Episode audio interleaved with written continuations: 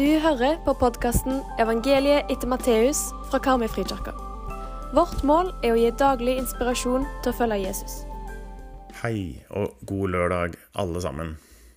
Vi leser eh, i Evangeliet etter Matteus, og vi er kommet til kapittel 23 og leser de tolv første versene. Så talte Jesus til folket og til disiplene og sa:" På stolen til Moses sitter de skriftleide og fariseerne. Alt det de sier, skal dere derfor gjøre og holde. Men det de gjør, skal dere ikke rette dere etter, for de sier ett og gjør noe annet. De binder tunge bører som ikke er til å bære, og legger dem på skuldrene til folk, men selv vil de ikke løfte en finger for å flytte dem. Alle sine gjerninger gjør de for at folk skal se det. De gjør bønneremmene brede og minneduskene store. De liker å ha hedersplassene i selskaper og sitte fremst i synagogene, og at folk hilser dem på torget og kaller dem rabbi. Men dere skal ikke la noen kalle dere rabbi, for én er mesteren deres, og dere er alle søsken. Og dere skal ikke kalle noen her på jorden far, for én er deres far, han som er i himmelen. La heller ikke noen kalle dere lærere, for dere har én lærer, Kristus. Den største blant dere skal være tjeneren deres. Den som setter seg selv høyt, skal settes lavt, og den som setter seg selv lavt, skal settes høyt. Dette er Guds ord. Å leve som du lærer, leve troverdig, ha personlig integritet. I dette kapitlet så hamrer Jesus løs på fariseerne og på de skriftlærde. På den ene siden så kan det virke som om han er litt hard mot det her. Det er mange teologer som, som hevder et syn om at Jesus selv i tradisjonen på mange måter hørte til blant fariseerne, og at dette derfor er et internt oppgjør med sine egne, som når du refser dine egne. Og da gir det mer mening. Det blir mer forståelig hvorfor Jesus er så tydelig som han er. Så du kan i hvert fall tenke tanken. For det er denne tradisjonen som Jesus vokste opp i, og han kjenner den svært godt. Derfor vet han også akkurat hvor det brister henne. I vers 2 og 3 så sier Jesus, På stolen til Moses sitter de skriftleide fariseerne. Alt det de sier, skal dere derfor gjøre og holde. Dette med stolen til Moses, det viser til at det var den stolen som fariseerne satt på når de underviste i synagogen, og at ifra den så underviste de ut fra Moses, ut fra loven og profetene. Så Jesus han bekrefter myndigheten deres her, og han sier i tillegg at det er ingenting galt med det de lærer. Tvert imot så sier han det skal dere gjøre og holde. Og så var Jesus vokst opp med tekstene som fra f.eks. Fjerde Mosebok, der det står Tal til israelittene og si til dem at gjennom alle slekter skal lage seg dusker på kappeflikene sine, og i hver dusk skal de sette en snor av fiolett purpur. Slike dusker skal dere ha. Hver gang dere ser på dem, skal dere huske på alle Herrens bud, så dere lever etter dem. Dere må ikke følge deres egne hjerter og deres egne øyne som lokker dere til å drive hor. Eller ifra femte Mosebok, eksempel. Hør, Israel, Herren er vår Gud, Herren er én. Du skal elske Herren din Gud av hele ditt hjerte og hele din sjel og av all din makt. Disse ordene som jeg pålegger deg i dag, skal du bevare i ditt hjerte.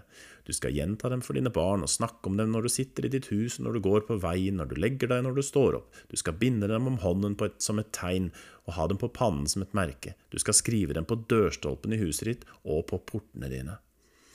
Dette var det som Jesus er vokst opp med, og det er stor sannsynlighet for at han selv hadde slike dusker, og at det sto sterkt i tradisjonen rundt ham å bruke sånne fysiske ting for å, for å, huske og minnes ordene fra Moses, ordene fra Gud. Og Det var jo bra ting som skulle hjelpe dem i relasjonen til Gud. Men så kommer denne anklagen da om bristen, og hvor dette bærer galt av sted, i det samme verset, da Jesus sier det de gjør, skal dere ikke rette dere etter, for, de sier, for de sier ett og gjør noe annet. Det er akkurat som han sier, hør på det de sier, men ikke se på det de gjør. Vi kan nesten høre Jesus rope det ut, at vi må leve som vi lærer. Vi må leve troverdig og vise personlig integritet. Og så tar han i de siste versene et oppgjør med våre titler. Bru, vår bruk av titler og vårt ønske om å bli opphøyet selv. For Jesus Kristus, han er vår lærer og mester, og Gud er vår far. Jeg mener at det er ikke noe grunn til å tro at det Jesus sier her, at vi ikke skal kalle våre jordiske fedre for pappa eller far, men at han viser til vår bruk av disse titlene, da. At vi kaller våre lærere eller prester for far, sånn at de skal bli opphøyet istedenfor Gud. Og i siste verset sier Jesus, den som setter seg selv høyt, skal settes lavt, og den som setter seg selv lavt, skal settes høyt. Og dette her er ikke et eh, bud eller et, en regel, det er en konstatering av en virkelighet som vi ser bekrefta opp gjennom historien. Hovmod står for fall. Og i dag så er det gjerne lett å trekke paralleller til den nye situasjonen i Ukraina og i Europa. Den som er villig til å gå til krig og la tusenvis av mennesker dø for at ditt eget navn skal skinne i historiebøkene, ja, den må også tåle dommen og fallet. Dette kapitlet er krevende å lese for en som bruker store deler av sitt arbeidsliv på å studere ordet, lese bøker om bibelske tema, planlegge, gjennomføre forkynnelse og undervisning, og jammen også nå som podkast. Jeg prater i vei, men hvor godt liker jeg anseelsen og ros jeg måtte få på grunn av rollen jeg har? Står jeg prøven? Lever jeg troverdig som jeg lærer? Jeg tror i hvert fall at det Jesus sier her, at det er en viktig påminnelse for nettopp oss om at det er kun Herren vi skal tjene, og ikke oss selv. Det er Herren som er visdommen, og som skal ha all ære uansett. La oss be sammen. Kjære Jesus, tilgi meg og tilgi oss for hver gang vi har søkt vår egen anseelse. Hjelp oss å være like opptatt av å kjenne ditt ord og søke ditt ord i hverdagen som av å leve troverdig liv. Og så ber vi deg, Herre, spesielt i dag for folket i Ukraina. Vi ber om din beskyttende hånd over dem, og spesielt over våre søsken i troen.